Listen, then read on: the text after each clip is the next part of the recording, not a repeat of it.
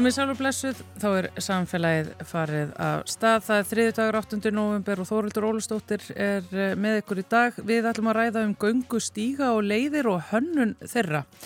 Gunnar Óli Guðjónsson, landslagsarkitekt, hefur séræft sig í göngustígagerð og komið að gerði leiðarvísis fyrir þau sem að vilja setja upp slík fyrirbæri.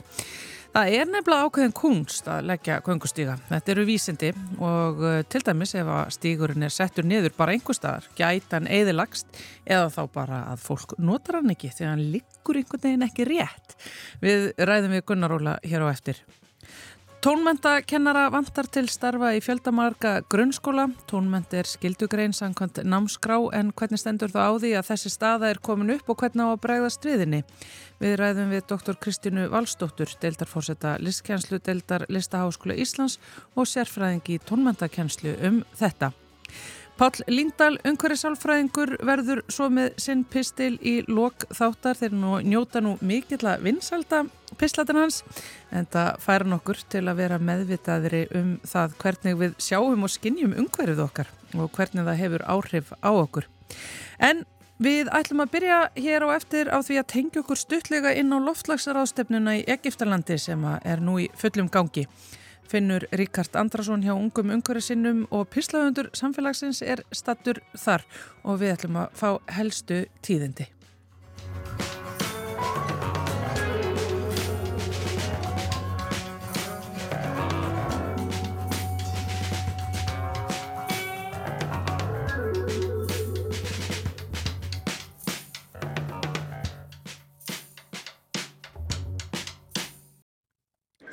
Finnur Ríkard Andrason, eh, heyrur í okkur? Já, hátt og snjást. Sætlurstu, ég veit að þú varst aðeins að hlaupa um þarna í Egiptalandi til þess að ná góðu netsambandi, það verðist hafa tekist. Þú ert á loftlagsarástöfnunni, COP27, hvernig er eh, stemningin í dag á svona þriðja ofinbjörra deginum? Stemningin í dag er, er loksins svona aðeins komið á, á herra plan. Uh, fyrstu tvo dagana var svolítið rólegt eða svona lítið að gerast í rauninni. Það er mjög margt fólkina en, en fyrsta daginn var dagskræðin bara samþygt og ekkert meirinn það. Uh, í gær hóft svo leiðtóga hlutin, uh, þar sem að leiðtógar voru með sína svona hefðbundu ræður uh, og lítið rauninni um almennilega samningu verðaður um, um þau málum sem að skipta verulega máli hérna á rástöfninni. En svo lóksins í dag þá fóru hérna frekari að svona alvöru samningu verðaður fundir Uh, af stáð fullu uh, og þar meðal er verið að ræða um uh, nattrænt markmiðum um aðlugun að lofstafsbreytingum, um fjármögnun í lofstafsaðgerðir og fleira. Sko það eru leittóðir sem að náttúrulega er fylst rosa mikið með á þessum fundum. Eru þeir allir að skila sér þá inn bæði í gæru og í dag? Já, það eru mjög erfitt fyrir okkur að fylgjast með nákvæmlega hvaða leittóðir er að gera fyrir þessar ræður sem þeir, sem þeir eru með. Uh, ræðurnar sem fara fram í, Herbergi á stað þar sem að enginn nema aðri leittóar og kannski herra settir embeddismenn geta fylgst með. En við fáum að fylgjast með einhvern streymi og það geta fleiri gert á netinu. En uh, já það er mjög lítið annað ræðurnar sem við getum fylgst með af þessu svona uh, leittóga hlutar ástöfnunar um, já það er svona það sem við sjáum að því. Já, en maður veit svo sem og uh, þú jáfnvel og ég að það er mikið að gerast líka vörst, bak við tjöldin, uh, það sem við sjáum ekki. Uh, það eru þessi fundaherbergi, bakherbergi þar sem að eitt og annað uh, getur gerst og jáfnvel oftar en ekki kannski stóra atriðin af, af þessum raðstöfnum Já, klárlega. Og við sáum það líka í fyrra á COP26 í Glasgow að á loku metrunum þá skiptir henni verulega, verulega miklu máli uh, þessu svona lokuðu fundur á baku tjöldi sem, að, sem enginn fekk að fylgjast með en, en skiptir svona höfum máli til þess að ná uh, einhverjum samfélgtum í í lokin. Þannig að ég er svona vona það allavega að það sem við sjáum ekki sé samt sem aðra að gerast að það séu einhverjar málumlegar umræður mellið þessara leðtoga sem eru þeir sem hafa mestu völdin til þess að, að ná árangur í, í losasmálunum Mm. En svo náttúrulega annað sem, að, sem að er hluti af þessum leiðtóga uh, hluta, það er að hérna, aðalitari samöðum þjóðana, Antonio Guterres, uh, helt í rauninni ræði í upphafi leiðtógarásfundarins í gær og, og hérna, undirstryka í rauninni uh, mjög skýrt hversu alvarlegt ástandið er og, og hversu langt við erum ennþá frá því að, að ná markmiðunum okkar um að halda hlínu jærðar innan innan við 1,5 gráð og, og hversu alveglegar afleggingar geta verið. Þannig að mér varst mjög, mjög gott að heyra hann uh, ítrekka alvarleikan uh, í upphafi þessar leittórarsfundar til að setja svona tónin og, og að við fáum það ef það er einhverja leittóra með lila ræður þá, þá sjáum við skýrt munin millir þess sem að aðalriðar samlega þjóðana, Antonio Guterres var að segja og, mm. og það sem að leitjóðanir er að segja. Já, e, þetta sem að þú ert að tala um núna finnur er einmitt það sem að sko ég sé að margir stjórnmálarskýrindur eru að, svona blaka erunum mikið eftir. Það, það er hvað e, þeir sem að koma bæði frá saminu þjóðunum og þeir sem að fara fyrir þessum fundir svona út af við tala tæpitunglust. Já, það er gríðilega mikilvægt að, vera með fólk hérna sem er ekki endilega leitu að þjóða heldur eru svona á vegum saminuð þjóðana eins og Antonio Guterres en líka nýr, uh, nýr fórseti uh, losasamling saminuð þjóðana sem var þá aðeins bjart síðan heldur en, en Antonio Guterres í uppáðsaröðinu sinnu og hamraðurinn af því hvað verið mikilvægt að vera með meiri samvinnu og samstöðu millir landa til þessana árangri? En eins og segja þá er gríðilega mikilvægt að hafa fólk sem getur tjáð sér almennilega því að vísindin eru flókin, það er alveg það er alveg vita, þetta er flóki mál uh, og þess vegna er ennþá mikilvægt, þess að rosalega mikilvægt að hafa fólk sem getur komið þessum skilabóðum skýrt skila til þeirra leðtúa sem eru kannski ekki með sérfræðitekningur sem þarf en hafa samt sem á völdin til þess að breyta því sem það er að breyta. Mér er mitt leikur forvölda að vita veist, af því að þú ert í umhverjusinnum og, og, og mikill baratum aður sjálfur uh, finnur. Hvor aðferðin heldur að sé vænlegri til árangus? Svo að tala tæpitungu löst og skafa ekki utan á hlutunum heldur e, e, eða hýna að segja sko vonin eftir staður og við getum verið bjart sín bara ef að við gerum þetta? Þetta er einn eiginlega spurning sem að ég spyr mig alltaf líka. Ég held að sé kannski ekkert eitt svar við henni. Ég held að það sé mikilvægt að vera alltaf með jafnvægi mill þess að tvekja uh, svona nálguna. Veist, að vera mjög skýr uh, og, og vera ekkert að, að hérna, skafa af uh, alvarleika vísindana. Vísindi tala sínum alveg, tala skýrt og segja ykkur að við erum á mjög hættulegri leið hvað var það losasbreytingar og afleggingar þeirra. En svo líka mikilvægt að tala um þessi tækifæri sem er til staðar að það að taka stáðu losasbreytingar uh, er jákvæmt fyrir samfélaginu okkar og svo, marga, svo margan hátt uh, fyrir utan það að takmarka hlínum gerðar. Þannig að það er þetta jafnvægi millið þess að tala um alvarleikan en samt sem maður að vera jákvæð og, og vita líka um það að við, við höfum ennþá möguleika til þess að uh, takmarka hlínum við 1,5 gráðu þó að, þó að möguleikin sé svona að renna frá okkur eins og nýskýrsla Uh, umknopnunar saminnið þjóðana gefið til kynna. Já, vissulega. Við uh, fáum að heyra í leittóum uh, feta þennan þrönga veg í orðuræðu sinni í dag og á morgun og fáum að tengja okkur aftur inn á loftlagsástöfnun og að heyra í þér síðar í vikunni finnur Ríkard Andrason hjá ungum umhverjusinnum. Takk hella fyrir þetta í billi. Og hér eftir örskumastund ætlum við að fara í spjallum gungustíga uh, og náttúrulegðir við Gunnar Óla Guðjónsson landlagsarkitekt.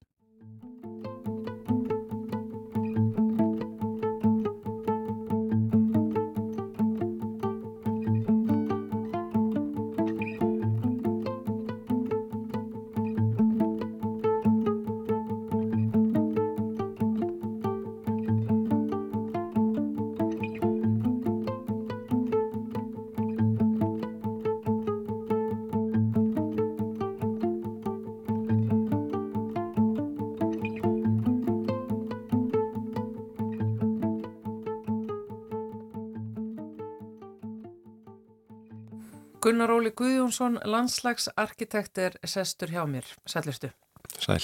Gunnar Óli, þú hefur já, mikið skoða stíga, gungulegðir og, og, og náttúrustíga og unni með þessa handbókum um gerð uh, svona fyrirbæra og þú varst að koma já, úr gungustíga ferð og gerð í gjánni er það ekki? Jú, ég er búin að vera að vinna þar Uh, já, þess að þetta annan áfanga núna. Uh, við vorum að klára fyrir áfangan hérna fyrir tveim ára síðan. Mm. að tengja þá stígin upp á stöng og niður í gjanna og nú erum við inn í gjanni sjálfri að vinna þar að, að gera náttúrustíks Já, sko gjáin er náttúrulega staður sem að ég sífilt fleira hafa verið að heimsækja síðustu árin eh, og það var farið áður en að gungustíga gerð, var gerð þar, farið að sjá verulega á svæðinu að því að fólk bara kom þarna úr öllum áttum og fór alls konar niður í hana og, og gekk þarna um allt. Eh, hvernig hins vegar gengur ykkur að koma inn í svæði sem er búið að tróða allt út og allir eru búin að finna sína leiðir og reyna síðan hanna einhvern veginn stíga inn í það? Já, það er alltaf svolítið krefjandi verkefni að, að reyna að beina, beina umferðinni á aukveðin hátt. Og það er alltaf mikið svona ábyrra hlutur að, að hanna stíg þannig að maður stjórna umferðinni um svæðið. Mm. uh, maður vil alltaf tryggja það að, að maður sé að veita fólki allra bestu upplifun á svæðinu og sama hátturinn að venda fyrir svona frekar í gróðu skemmtum og reyna að endur heimta gróðurinn og svona þannig að þetta skrefst svolítið mikið svona landlæsis að lesa hvað er bestu upplifunar, hvað er bestu útsýnistæðinir eh, hvað út frá svona mörgum mismændi þáttum, bara til dæmis eh, já, hvað sér maður flottustu fórsana frá hvaða sjónarhóttni, hvernig hljóðið leiðið mann áfram, það skiptir líka máli hljóðið í fórsanum og flúðunum. Uh, svo er hann alltaf líka rýmismyndunum sem maður þarf að pæli við erum í onni gjá Já. og það er mismunandi upplifun hvort þú sérst sko með klettaveg hliðina þér eða þérst út á berangri þetta er svona allt svona litli hlutir sem að þáttar saman í að búa til bestu möguleg upplifuna Já. þannig að okkar svona nálgurinn í gjánni er að, að reyna að endurheimta eins og þetta var, þetta var svona svolítið vin í eðumörkinni, svona gróður uh, mikið gróður sælt og og bara séðan svona sandar allt í kring þannig að allt er komst inn í inn í þess að gjá þar sem eru fossar og flúðir og, og, og trjágróður sem að er hverki annar staðar á þessu svæði, svona í fætirum á hálendinu þannig að við erum að svona einfalda stígakerfið, fella niður slóða og endurheimta það og græða það upp og, og reyna líka að tryggja það sko að uh, að stígarnir sé eða ósynleir þegar kemur að uh, bílastæðinu hann fyrir ofan Já. þannig að þú horfir onni gjanna þá sér þið bara uh, þessa vin í auðumörkinni sko. Já, ég mannum þetta eftir sko áður en að stígagerðin fór á stað að hafa hort þarna ofan í og hugsað, æ, heyrðu, þetta er allt saman úttrampað og af því að þetta er svo viðkvæmt landslag og viðkvæmur gróður að mm. þá sjá maður fyrir sér að ef að það hefði ekki farið á stað stígagerð í gjánni að mm. þá hefði hún algjörlega eðilagst Já, það missir rosalega sjarman af þessu og hérna og það er mitt bara mikil og stór hluti af þessu er að endurreimta gróðurinn og reyna að kalla fram aftur þessa, þessa upplifun sem fær á svæðinu mm. veist, En maður heyrir það á því hvernig þú talar að sko þetta er ekki beinleins þannig að þið bara farið með möli í hjálpurum og, og, og, og hendið ykkur átta onni og styrtið bara eitthvert. Það að leggja göngustíga eru, eru mikil vísindu og ég, ég hjóðum þetta eftir þessu fallega orði sem notar eh, krefst landlæsis.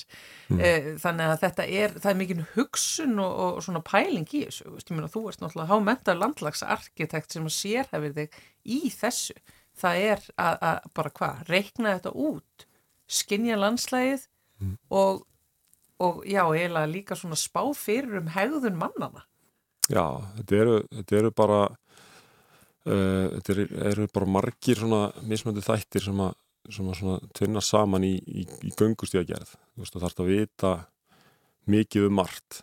Þú þarfst að, sko, lesa landið bara, þú mátt ekki leggja göngustíði og mikið bratta því þá fer vatnið að, að renna inn á hann og skemma. Já. þetta sístnýst líka mjög mikið um að, að, að sko, teima og hemja vatnið og stjórna hvernig það rennur í gegnum. Þetta lesa fyrir um hvernig vatnið rennur í landslæðinu uh, og reyna að forða þig til að komast inn á stíin og ef það þarf að fara yfir stíin þá þarf þetta að búa til ræsi til að leiða það út af á réttum stöðum. Uh, svo það maður líka bara pæli í uh, veðurfari, hvar eru skablar að myndast og hvernig þetta landi snýra mútið sólu upp og hvernig gróðurinn jafna sig. Uh, og svona alls konar sólistættir hvernig þetta uh, hvernig maður leggur stígi í landslæði þannig að hann sé ekki áberandi. Það er mitt þetta sem krefst þess að landlæsi sem er bara hvernig maður les landið hvernig maður skinnjar það og svona hugsaður þetta í, í ástæðunum í, hérna, í, í rýminu Uh, og svo er það náttúrulega þessi, þessi sálfræðilegi þáttur hvernig maður um, svona heila, já, teimir fólki að stjórnar fólki þannig að það sé ekki að fara út, út um allt. Ef að, ef að stígurinn er ekki að leggja á stað þar sem að fólk vil sjá, það færa það út fyrir og, og til þess að sjá það uh, sjá það sem það vil sjá. Og þá eru komið tvo stíga og jafnveg þrjá stíga og búin að missa, missa tökin á sig Já, það er með þessi að sjá fyrir stjórnunin og ég held að sko allir geta hugsað, hugsað stíga sem eru hvort sem er hér í borgarlandslæginu eða, eða hvar sem er. Það sem er sko stígar fæðast bara organist af því að fólk þarf að komast á milla A og B og stifta gangstjættin er ekkert endilega leiða þig leiðina sem að þú vilt fara.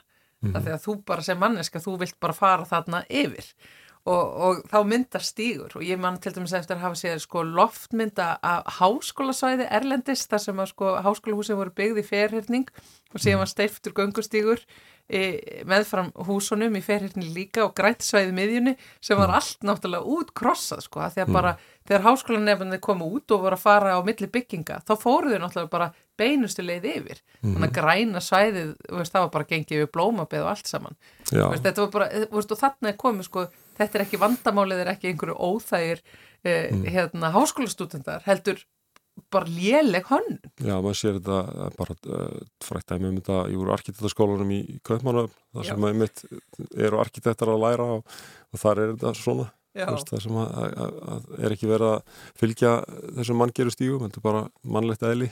Já, hvernig það haga sér Já, ég menn að sér þetta bæði til dæmis eins og í háskólanum þar sem að sko fólk er að koma eftir að hafa gengið með fram uh, tjörninni og vil koma spennt inn á uh, hérna göduna til þess að komast inn í aðalbygginguna mm. en það er gangbraut mm -hmm. 200-300 metrum fyrir ofan en fólk vil fara þarna yfir mm -hmm. og það verður myndið verið að tala um þetta það ætti ekki að vera gangbraut á báðum stöðum eða ætti að færa gangbrautina eða Já Þú sér þetta allstar þar sem þú keirir, eins og bara til dæmis hérna í höfuborginni neyri við sjóin, veist, það eru sérstaklega það snjóar, þá sér maður alltaf fyrir, sko, mm. túristettin koma, vilja komast að sjónum og þeir fara ekkert endilega yfir á gangbröðinni, af því hún er bara ekki á réttum stað. Já, þetta eru bara þættir sem maður þarf að sjá fyrir Já. áður og, og reyna með þetta að lesa og svo náttúrulega er þetta, er þetta líka með gangustíkjar, þetta hefnast ekki alltaf þá þarf maður líka bara að breyðast við og sjá mm fólk er að hafa þessi svona, fólk vil sjá þetta og þá þarf að breyta og, og bæta og, og svona, þú veist, af hverju vil fólk fara aðna og reyna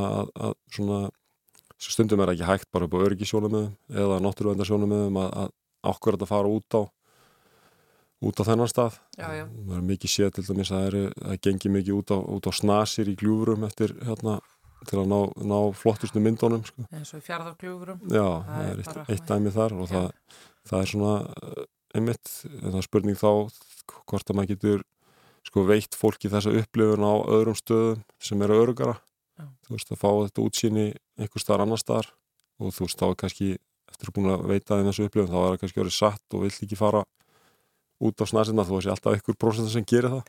Já það, það er bara, bara vísendalega þekkt og veginn sker og það eru alltaf einhverjur sem að bjánast í einhverja hættur. Já já það er bara þú veist það er bara þeirra hérna eðlega þeirra stíl eða hvernig sem þau útskýra það sko, bara vilja það. En þið reynir þá allavega hann að þess að stíga þá utanum svona þarfir eh, hérna og vilja þorra almennings og, og, og, og hefur, eh, svo segir, text oftar en ekki vel til kannski sérstaklega eftir að hugsun var setta í þetta. Og það er eitthvað sem var gangskur gerða að fyrir nokkrum árum ekki satt að, að koma svona ákveðnum leiðarvísum og þekkingu eins og þú ert með bara áleiðist til þeirra sem er að gera gangustíða hvort sem að það eru landeigandur eða ferðamannastöðum eða stjórnveldi eða hvaðina? Jú, já, það var einmitt gert svona leiðbynningaritt hérna fyrir umhverjusafavendið uh, eh, sem að svona einmitt útlistar þessa helstu þætti sem það er bara að skoða þegar kemur að gera svona náttúrustíga þetta er náttúrulega bara einn ein gerða göngustígum það er til náttúrulega margar aðra leiðir til að leysa vandamál mm. en ef það er ákveð að fara þessa leið að, að vinna náttúrustíg þá er allavega til leiðbynningaritt um það Já Og við höfum náttúrulega fjöldamarka staði svo sem á landinu á ferðamannarstaði til dæmis það sem hefur ekki tekist neitt rosalega vel til sem að eiginlega bara er farið að verða bara mjög aðkallandi að hlutir séu endur hugsaður og gerður upp á nýtt og ég mm. hugsa til dæmis sérstaklega þarna um, um hverasvæðin okkar mm. bæði hvort sem eru á mývatni eða, eða kellinga, kellingaföllum mm -hmm. Já, það er náttúrulega uh, algjörlega og það er náttúrulega komið líka uh, svona dæmum það náttúrulega að, að hönnun uh, það sem fórsendunar eru kannski nokkur hundruð þúsund ferðamenn eru allt í náttúrulega einhverja miljónir og þá þarf bara að skoða málið aftur og endurhugsa sko hönnun og sæðinu og, og hanna þannig að það, það ber allan hann að fjölda það er náttúrulega líka hluta á þessu Já. Nemndu dæmi um sko svona e, svæði sem að allir sem að hlusta hafa örgulega farið á, þar sem að hefur vel tekist til og ítla tekist til? Það, já, svolítið er þetta kannski fyrir mig að segja að vera nefna dæmi sem ég teki þátt í sjálfur. Sko. Já, þú mátt það alveg. Enga hóverð. já, já, en við svona, til dæmis höfum við verið að vinna upp á uh, upp á skóafósi, til dæmis upp á heiðinni sem að uh, er alltaf uh, mjög mikil fjöldi fólk sem að kemur þar já. og svæði ber, það bar það ekki, þetta er mjög viðkvæmt og mjög blöytt svæði. Já. Þannig að þegar við komum að því verkefni þá þá voru þetta orðin tíu metra breyðir tróðningar og drullu svað bara. Ég man eftir því. Þetta var alveg hrikalegt. Já þá voru við hérna, þurfti að loka á vetunar því þetta var bara, þetta var bara ógæslegt. Bara maður var að vaða drullunum upp á nýja næstu því og, og svo hérna náðu við svona koma böndum á það aðeins allan að en þú veist þetta er rosalega mikil fjöldi og, og, og krefst alltaf stöðus bara svona viðhalds og uppbyggingar til þess að svona uh, temja þennan að höndla alla þessu umferð. Og þá var sagt, prinsipið þannig að, að stígurum byrjar uh, breyðari og, og, og, og svo svona feitar hann alltaf meira og meira út í náttúrulega þá kan til við bara komin upp í göngulegin á fimmurhálsi þannig að þú veist, fyrstu 500 metanir eru kannski breyður stígur en samt með þessu þessu prinsipið að reyna að sagt, hafa þá látlösa með torf og grjótlöðnum köntum og steintröppum og svona. Já. Og, og útsýnisbekkir hlaðinir og grjóti og torfi sem að þú veist maður sést og getur hortið yfir. Það fellur vel inn í umhverju sko. Já en svo, svo svona mingar og mingar alltaf yngrippið og verður nánast að bara stíga Já, svo endar það komin alveg hátt upp. Já, en það fer ekki þonga nema nættilega sér að gangi yfir fyrrháls Já, það er alltaf þetta er svona, það er svona flösku hálsar alltaf sem að veist, fólk síast alltaf út og feði tilbaka. Já. þannig að þú veist það er líka hluta af þessu Ok, uh, en einmitt svæði það sem að bara allt eru ruggli Það er alltaf bara Þú er ekki að það svolítið mörg að taka? Gunnar? Jú, jú, það er kannski erfitt að nefna það svo sem en hérna uh, það er alltaf bara uh, svæði sem að kannski hefur verið erfitt að breyðast við upp á, upp á hérna út af skipulags það getur verið flókin skipulagstig og eitthvað svona með sveitafela og, og, og stopnana og svona mm -hmm. þú veist uh, það, en, en þetta er svona alltaf lagast núna þannig séð, það er komið svona meðri uh, með sérst, ríkið komið eitthvað sem kalla hérna, landsáallun sem er þá þryggjára plan sem að hérna þannig að hérna sem hjálpar kannski hjálpar öllum svona að sjá aðeins lengar fram í tíman þetta var meira alltaf svona bútasöymur ef að, ef að hérna kom drullupóllur þá var, þú veist, komið eitthvað smá öðru í að henda nokkur malarhlusum í það og svo var það búið. Já, já, sér Eftir á rettingarnar voru líka alveg og það er rótnar aðeins minni, minna þeim og svona fara meira að hugsa þetta til langstíma sem er, sem er kostur. Þannig að þetta mun taka smá tíma þetta er alltaf mikið af fólki og, en, en þetta verður alltaf, alltaf betra og betra. Já, bara nú í dag var tilkynnt að það að loka hérna kirkjufelli uh, á Snæfellsensi við Grundafjörð og um, það er aðgerð sem að landegundur taka hérna, ákvörunum og bara mm. út frá því að því að þú hefur svona kynntir svona hegðun mm. uh, ferðamanna verður einhver tíman algjörlega hægt að koma í veg fyrir að einhver fari ekki eitthvað þú veist að því að kirkjufjall er mm. ómótstæðilegt fjall og það sést í það göngustígur upp og fólk mm. átt að segja ekkert endil á hættun alveg sama hversu mörg skildir eru sett og þó að þessi búið að gerða fyrir og setja setja einhverja steina og jáfnveil, eh, þú veist, girðingu. Það er alltaf hægt að mm. komast yfir þetta allt saman. Ef þú ætlaðir upp á þetta fjall þá ferðu.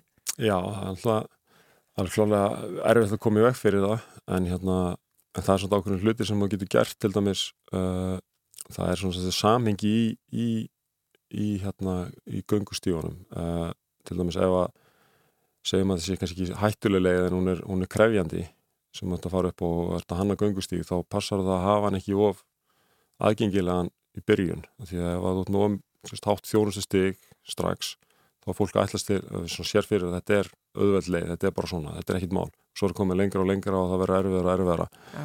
þannig að þá er, þú veist þá kannski þá er einmitt að setja upp þessa, þessa flösku hálsa, sko, vera með þá erfiðari tröppur að fara upp og svona erfiðari erfiðara aðgengi. Þannig að og, og fólki tilkynna þessi kræfjandi gönguleið. Mm. þá er kannski ekki að fá fólk sem er ekki tilbúið í þannan slag Já. alla liðu upp það er erfitt að snúa við er búið að leggja á sig alla þessa ferð uh mhm. -huh.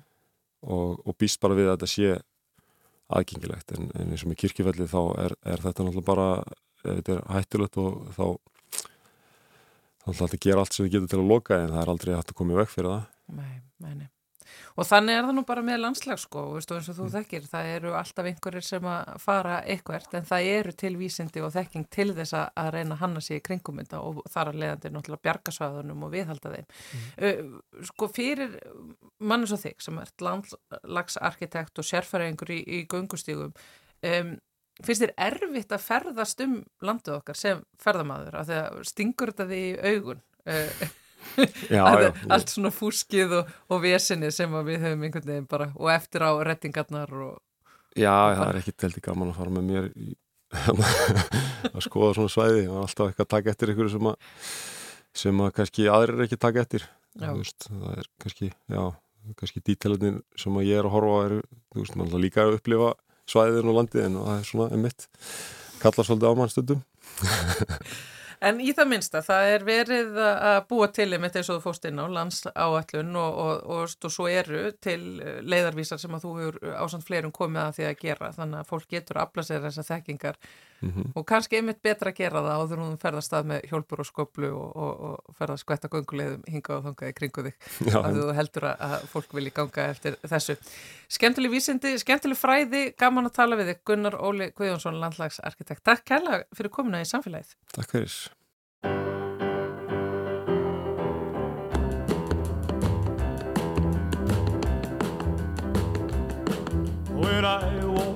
That door, baby, be polite. You gonna make me so. If you don't greet me right, don't you ever kiss me once, kiss me twice. Treat me nice.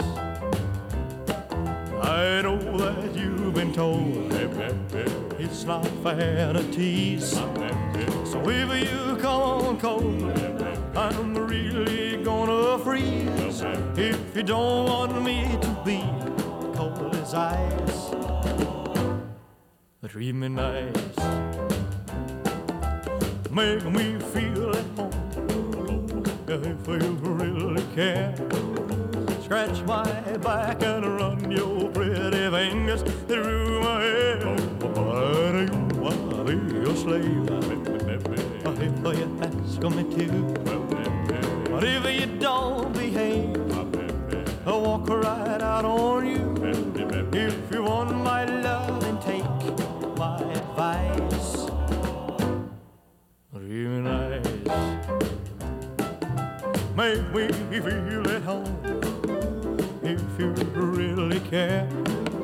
Scratch my back and run your pretty fingers through my hair. Oh, no, I'll be your slave. Ask me to. But if you don't behave, well I'll walk right out on you. If you want my love and take my advice. Treat me nice.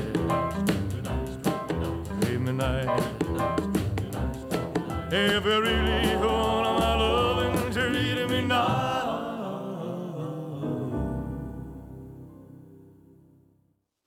Hjá mér er sest Dr. Kristín Valstóttir, deildar fórseti listkjenslu, deildar Listaháskóla Íslands og sérfræðingur í tónmæntakjenslu. Sælvertu? Sæl, heila sæl.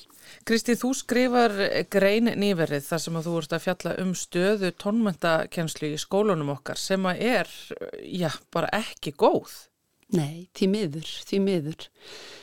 Það er svona, þetta er búið að blunda í mér svo sem, sko, ég er búin að hugsa hvaða leiðir eru færar, ég er ekki komið með neina leið, mm.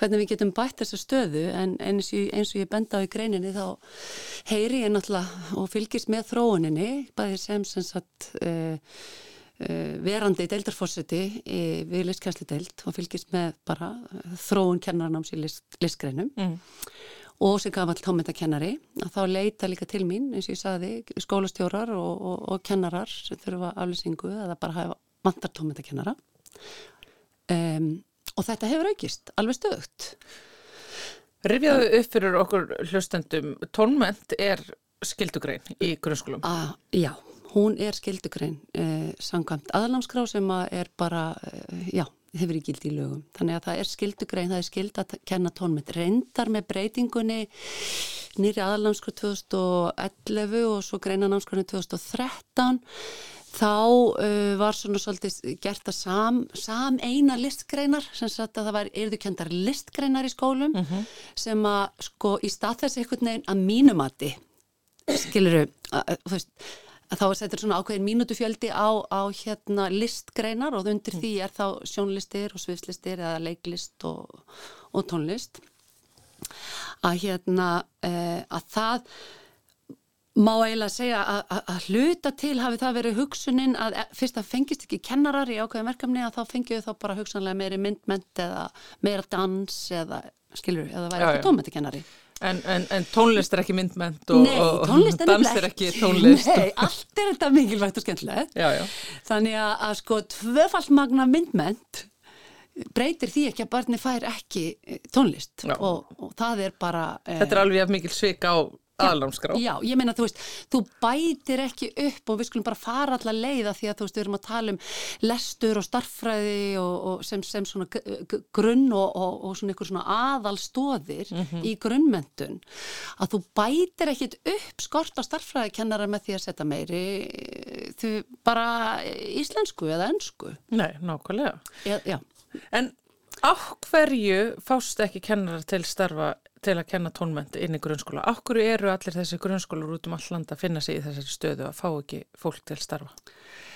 Sko að mínum að þetta er þetta sko markþætt. Eh, ég veit að veginn reynsli, ég var tónmentakennari þegar ég útskólaðist fyrst sem, sem kennari fyrir mjög mörgum árum eh, í Vesturbæðaskóla og, og hérna Ég veit þetta er erfitt starf. Ég kendi líka þrjú ár sem, sem bekkakennar á móti tómyndinni og uh, það fannst mér alltaf ákveðin kvílt og ég verið með stóran bekk og fylgdi þeim 6-7-8 bekk. Og, og það fælst í sko að vera tómyndakennari þá ertu, uh, þú veist, þegar ég var til dæmis í fullistarfi í Vesturböðaskóla, þá, þá fekk ég allan skólan. Ég fekk öll börnin í skólan til mín á viku. Já, vá. 40 myndur, þú veist, fyrsti bekkur, annar bekkur, þriði bekkur og alltaf byrja upp á nýtt um, og eins og ég segi sko þetta var rosalega gaman en álægið er gífurlegt. Já eins og bara í, þetta er nánast eins og svona skapandi já, performance já, sko. Já og hvað ætlum við að gera og nú ætlum við að taka fram hljóðfærin og vera já, þú veitir og, og höfðu það til. Og hérna, þetta er alveg sérstaklega Þetta er kannski aðeins öðruvísi heldur en að vera með dæmatíma sko. Já, nákvæmlega. En sko mér fannst þetta rosalega gaman en það sem að var þá, við erum að tala um, ég byrja að kenna 1985 beint úr, úr, úr sko kennaran, fyrsta kennarnáminu mínu. Mm. og hérna þá var bara, til dæmis tómyndakennarar og þökks ég hérna Ingóli Guðbrónssoni sem að kendi í lögarnaskóli lengi. Ég held að vera aðalega hans effekt það í gegna þeir voru með aðeins og með tve, aðeins minni kennslu kennsluskyldu heldur en aðri kennarar e, síðan er það svona 20 ár síðan cirka var, því var breytt í kjærasamningum og nú í stað þess að vera með kannski 20 minna á viku til að minka álægið í þessari kerslu þá eru núna tómöndakennarar og ég vel fleiri liskrænakennarar sko eru þeir í læri launaflokki heldur en umsjónakennarar að því þannig er verið að umbuna umsjónakennarum og ég ætla ekki að gera lítið úr því. Það hefur orðið meir og meiri vinna við að samskiptu við fóreldra og svona. En að mínum að sko alls ekki sangjant að umsjónakennarar séu með, eða, eða tónlistmentakennarar í sinni kesslu séu með lægri laun heldur en umsjónakennari. Þeirra umsjón er bara öðru vísi og þetta, það verður gífilega óanæg með þetta, þannig að Þetta er í rauninni bara, það er verið að uppskra eins og var sátt til. Svolítið og svo, svo náttúrulega bara eins og ég benda á við, við getum hampað list og verkreinum og þegar við hefum að epla listir í skólastarfi og í samfélaginu og, og innan vel, velferðarstofnana og svo framvegis. Þetta er, þetta er fallegt uh, í orði en það er oft svo erfitt að fylgja þessu eftir þannig að þetta verði eitthvað, já, þessi fylgt eftir á borði. Já. Sko þannig að það er þó eiginlega bara búið að kerfi spinda það að tónmæntakennarar, listgrinnakennarar séu settir skör lægra eh, hvað var það launaflokka og bara svona mm -hmm. hérna standa jafnfætis mm -hmm. í mjög kræfjandi, erfiðri, skapandi vinnu. Mm -hmm. Þannig að fólk fæst ekki til starfa einmitt bara því að það vill ekki vinna við þessar aðstæður Þannig að þá gengur, geta skólastjórnendur ekki uppfyllt aðalnámskrá. Það geta það ekki. Uh, ég, ég með langar kannski aðeins að staldra þess hérna við Kristín og af því að ég er alveg vissum að það er einhverju að, að, að spyrja en áhverju eru við að kenna tónment í grunnskóla? Af því að veist, er þetta ekki bara eitthvað sem að krakkar fara og þau sem vilja og með slíka fóreldra gera í tónlistaskólanum Já, sem ef þeir geta. Við, Ef þeir- það líka bygglistar í tónlistaskóla Já, já. og hérna og, og því miður það, það er bara annað kerfi sem ég geti verið með hérna, tekið annað tekið annað samtal en áhverju þarf þetta að vera inn í skólanum? Sko, ég segi alltaf og það er bara mín sko sannfæring og, og, og hún hefur bara styrst bæði sem, sem kennari og það sem ég hef lesið og, og rannsaka við. Hlut af því að tjá sig til dæmis í gegnum tóna er bara, þetta er hlut af því að vera manneskja. Þetta er fyrsta leiðin sem við notum til að tjá okkur. Uh, þú veist, ungbönn við, og mæður við ungbönn, skilur, þetta er leiðin okkar til að tjá okkur, það er gegnum ljóð. Og, og hérna ritma, tungumálið er ritmi tungumálið er tónlist, þetta er alveg sama, sama uppbygging. Já. ég vann hérna smá verkefni með, með tveim þjónveru, það var svona annars vegar professor í, í, í hérna málvísindum annars vegar tónlist. Og þeir síndi fram á sko þeir eru með ákveðið mótel þú veist, þú veist með nákvæmlega sömu struktúra þegar þú ert að tala um að byggja upp tungumál og, og, og, og tónlist svona fraseringar, ritma, takt uh, og svo framvegs þetta er bara, þetta er, þetta er mjög djúb og eðlileg leið til að tjá sig fyrir utan að sko fyrir utan eins og ég var að tengja þetta við bara lestur og tilfinningu fyrir tungumáli og, og, og hluta mennskunni þá er þetta bara söngur og tónlist, hún saminar fólk þetta er saminandi, það er ákveðin í svona félagslega gildi í þessu, það er tilfinningilega gildi, þú farið ákveðina útrás fyrir hluti og þú eru upplifið tilfinningar sem þú farið ekkert í gegnum annað.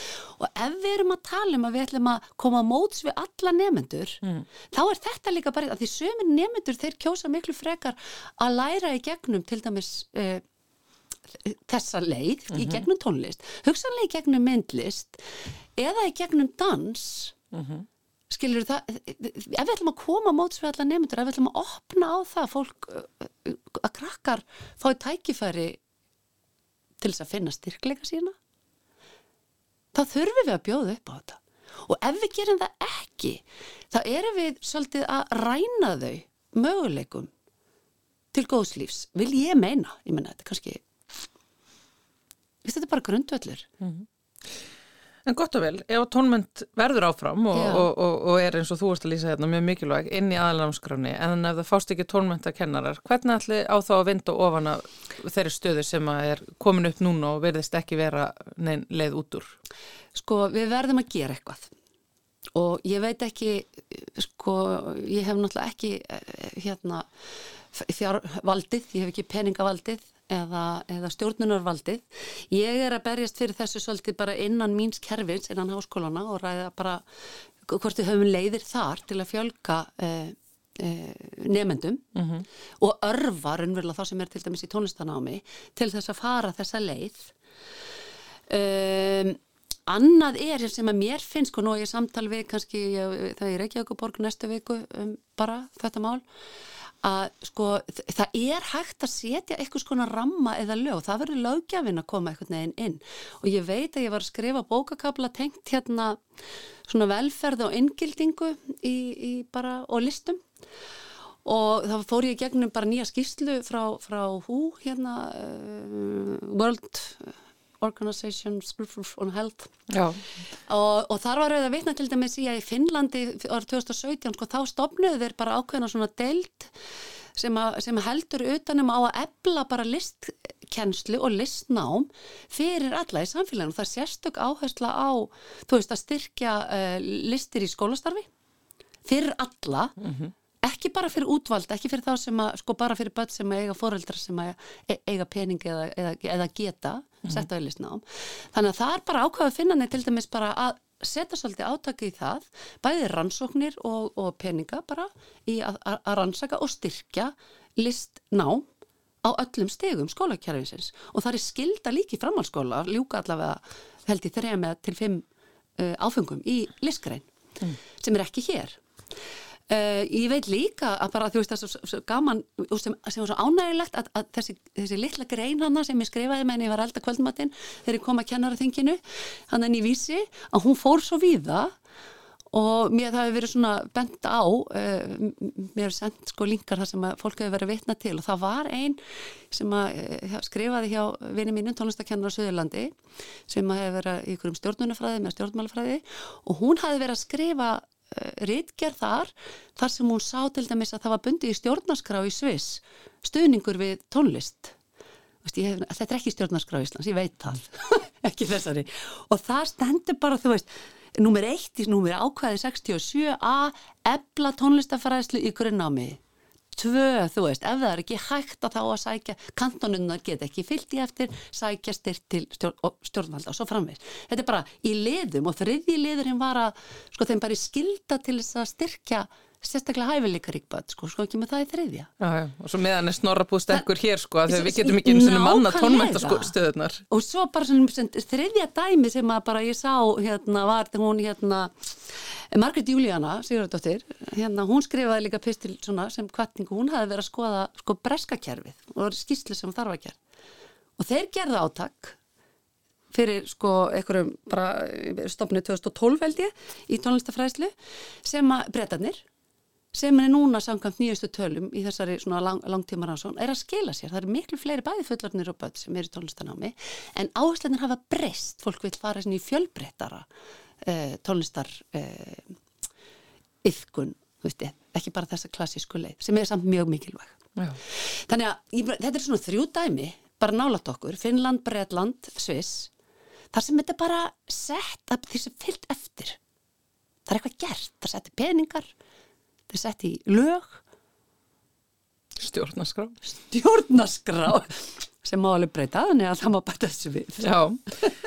Þannig að við, það er hægt en það þarf að fylgja því, því, þessu þarf að fólk þarf að vilja. Samfélagi þarf að vilja. Ég segi bara, foreldrar erum við ekki að kalla eftir þessu fyrir börnun okkar Já, eru bara eh, skóletni náttúrulega líka, það þarf að uppfylla námsgráð. Við þurfum að bara, gera það já. og það er svo ljós bara síðan, ég held að síðan einnig frá 2017 sem að raðanetti bara gerði, veist, það, það kom frétt frá, frá stjórnarraðinu og við erum ekki, þá vorum við ekki að uppfylla þessi, eh, lög um að, eh, að, að lífskjænslu fyrir nefndur og grunnskólaaldri og það hefur ekki breyst, það hefur því miður sennilega frekar, því hefur frekar rakað heldur en hitt. Og það er líka alveg takt að líta á það sem ákveðin svik við eh, þessar yngstu kynnslöður sem að fara í gegnum skólanum okkar núna. Að þau fá ekki allt sem að þeim ber. Já, ég myndi segja það. Ég bara, það eru það. Þetta eru, við erum að sviki bönnin okkar. Dr. Kristín Valstóttir, deildarfórseti listkenslu deildar Listaháskóla Íslands og sérfræðingur í tólmæntakenslu og gammal tólmæntakennari að sjálfsögðu. Takk hjá fyrir eh, kominninga í samfélagið. Takk fyrir mig.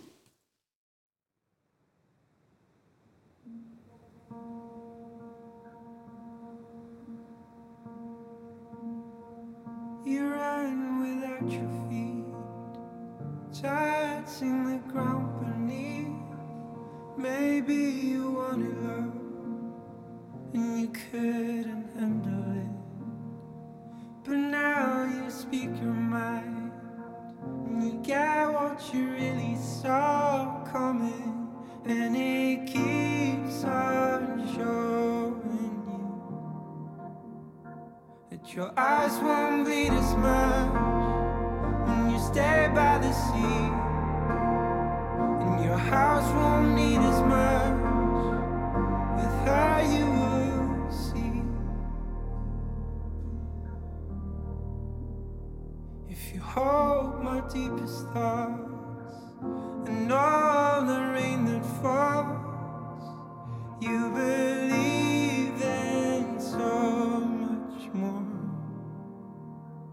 Now that it's in your hands, you're scared you'll scare it off. In your mind, you always know that your eyes won't bleed as much when you stay by the sea, and your house won't need as much with you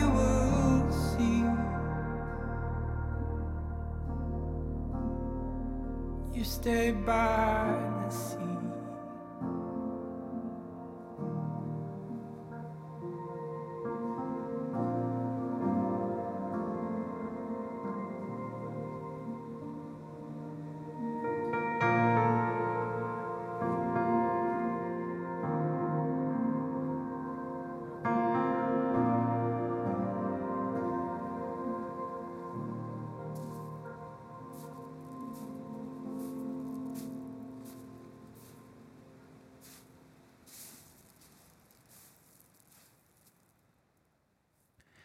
Þetta var tónlistamæðurinn Axel Flóvent sem er frá Húsavík með lægið You Stay By The Sea.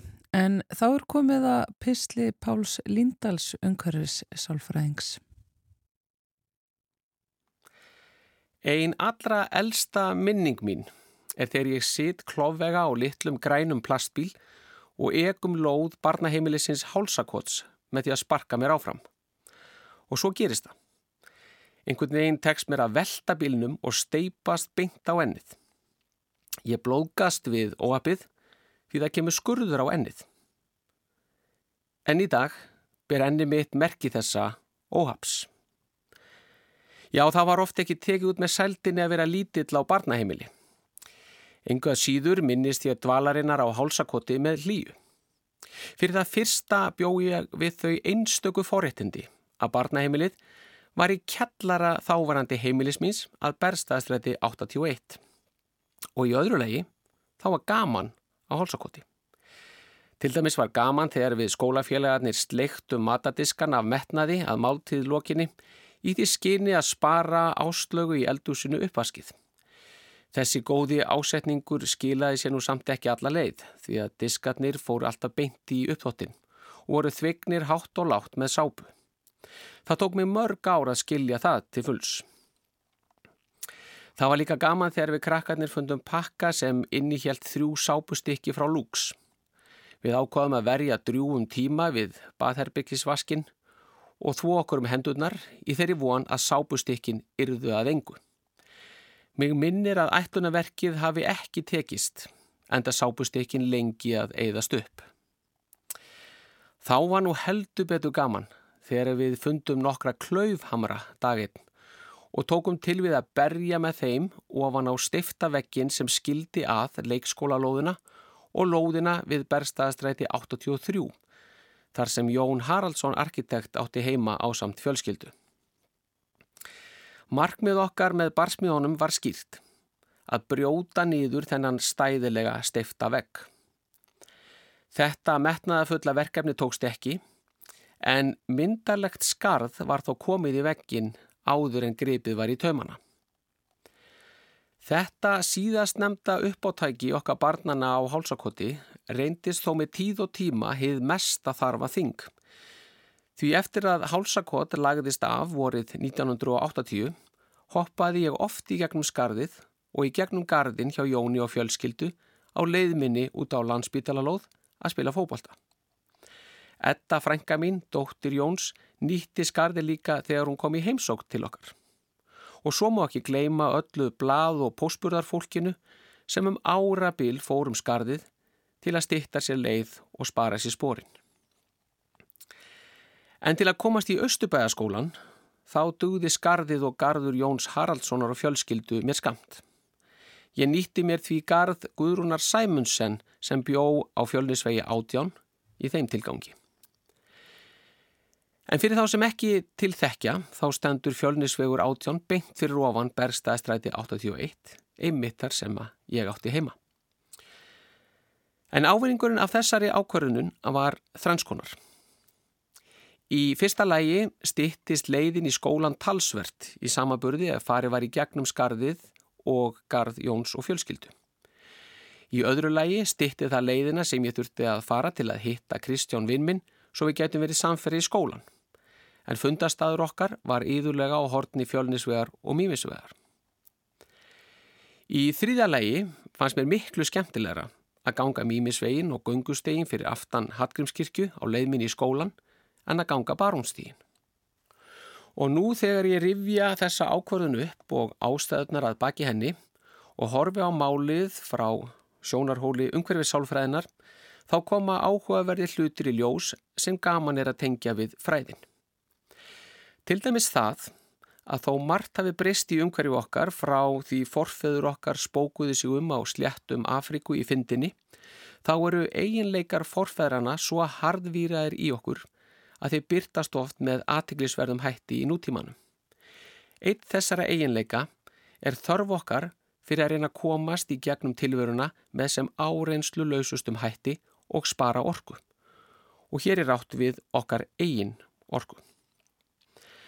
Í hörðum heimi forfæðra okkar þegar að lífsgæði voru takmörkuð og lífsbaráttan hörð var fullkomlega rökrétt að fólk sparaði kraftana og nýtti þá einungis til þeirra aðtefna sem júku lífslíkur og líkur þess að koma afkomendum á legg. Eðli málsins sangkvæmt var því skinsamlegt að stýtta eins og kostur var þær vegalengdir sem ferðast þurfti. En nú er öldin önnur.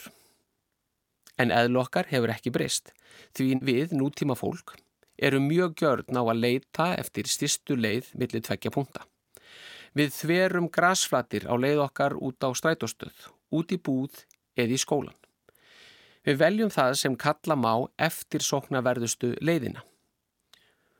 Og tilverða alls konar slóðar hingað og þangað sem endur spekla yfirleitt stistu og fyrirhafnaminstu leiðina. Sjálfsbrotnir tróningar sem oft er í hróplegu ósamrami við legu og skipulag hannaðra stíga og göngulega. En stundum er beinlína millir tveggja punkta ekki möguleg. Einfallega vegna þess að hindranir á borði byggingar eða girðingar standi í veginum, nú eða ef svæðið er hreinlega vaktað. Þá vakna spurningin, hvernig mætu við þá þörfinni fyrir stistu leiðina millir tveggja punkta? Ef við lítum fram hjá augljósasta svarinu í nútíma samfélagi sem er, við látum síman segja okkur hver stista leiðin er, þá er áhugavert að skoða nýðustöður ansóknar á 14.000 gangandi vegfærendum sem fór nýveri fram í Massachusetts Institute of Technology í Boston í Bandaríkjónum. Niðurstöðunar síndu að þegar beinlína millir tveggja punkta er ekki möguleg er heil okkar í raun og veru ekki gerður til þess að rekna út styrstuleiðina þegar við ferðumst fótgangandi. Heldur leitar hann eftir því að finna leið sem gefur okkur hvað sterkustu tilfinninguna um styrstuleiðina. Við grípum því til þess sem kalla má vektormiðaða rötun sem þýðir að við veljum okkur leið sem okkur virðist vísa með hvað beinustum hætti á áfangastæðin, óhá því hvort leiðin sé í raun svo stista. Niðurstöður dýraransókna hafa sínt að dýr, allt frá skordýrum til apa, nota sambarilega aðferð við rötun millir tveggja punta og geta vísindamenn sér til um að ástæðan sé svo að aðferðin krefist minni heilastarfsemi en svo að reikna út styrstu leiðina. Í þrónafræðilum skilningi er þessi tilhögun augljós Minni fókus á nákvæmt leiðaval gefur heilanum aukin tækifæri til annara starfsemi sem getur auki líkur okkar á að komast af. Sem fyrir 30.000 árum fólst til dæmis í því að fylgjast með ljónum og hljepurðum. En í dag fælst til dæmis í því að fylgjast með bílaumferð til að vera ekki kerðu niður þegar að gengið er yfir götu. En eftirsokna verðasta leiðin Þessi sjálfsbrotni tróðningur sem stittir leiðina milli A og B getur þó líka sínt okkur meira um mannlegt eðli en bara þörfina fyrir styrstu leiðina og minnstu fyrirhöfnina. Það að komast af í hörðum heimi kreftist líka við höfum valmöguleika og við getum haft áhrif á umhverju okkar. Stígarnir geta því verið byrtingamind mótró okkar við að láta aðra ákvarða haugðun okkar í umhverfinu, hvernig við eigum að ferðast um í rýminu, frá einum stað til annars. Í umhverfu okkar gilda reglur um nótkun og nýtingu rýma. Sumar þeirra eru skrifaðar, aðrar óskrifaðar. Göngustígar sem myndast eftir höfði og þörfum nótenda skora þessa reglur á hólm og geta þannig verið til marksum ólíðni og viðnám. Þeir geta endurspegla þörf okkar fyrir að hafa áhrif á umhverfið, skapa spennu í líf okkar, setja mark á tilvöruna í eiginleiri merkingu og skrifu okkar eigin sögu. Við skrif mín á þessum pisli rifjaðist upp fjórða ástæða þess að ég stýtti mig leiði gegnum gardin hjá Guðrúnu Sæmunsen á leiðminni í Östubæðaskólan. Sú ástæða var Ulla. Ulla bjá á hæðinni fyrir ofan Guðrúnu. Hún vildi alls ekki að ég stýtti mig leiði gegnum gardin og fór ekki neinar gravgötur með það. Og það, það var spennandi. Það var spennandi að ólýðnast og í hvert sinn sem ég hugðist þveragarðin skaut eftirfarandi spurningu upp í hugan. Skildi Ulla sjá mig og banka í rúðuna. Svo hljópi ég í gegn. Þánga til næst. Saði Pál Líndal, umhverfis sálfræðingur um, og um, ringaði eiginlega þar uh, umræðu efni dagsins hér í samfélaginu við uh, höfum um eitt hort á gungustíga og hvernig þeir þræða sig um umhverfu okkar í dreifðum, byggðum og þéttum hvernig við búum þá til og hvernig þeir leggjast allt saman. Rættum hér á þann emitt fyrir þættinu við Gunnar Óla Guðjónsson landslagsarkitekt sem eru sérhæft sig í gerð göngustíga. Kikið eftir þessu í kringum ykkur. Hvar eru göngustígatin lagðir og hvar hafa þeir bara fæðist og orðið til? Við ljúkum samfélaginu á þessum nótum en komum aftur á sama tíma á morgun. Ég heiti Þórildur Ólastóttir. Verðið sæl.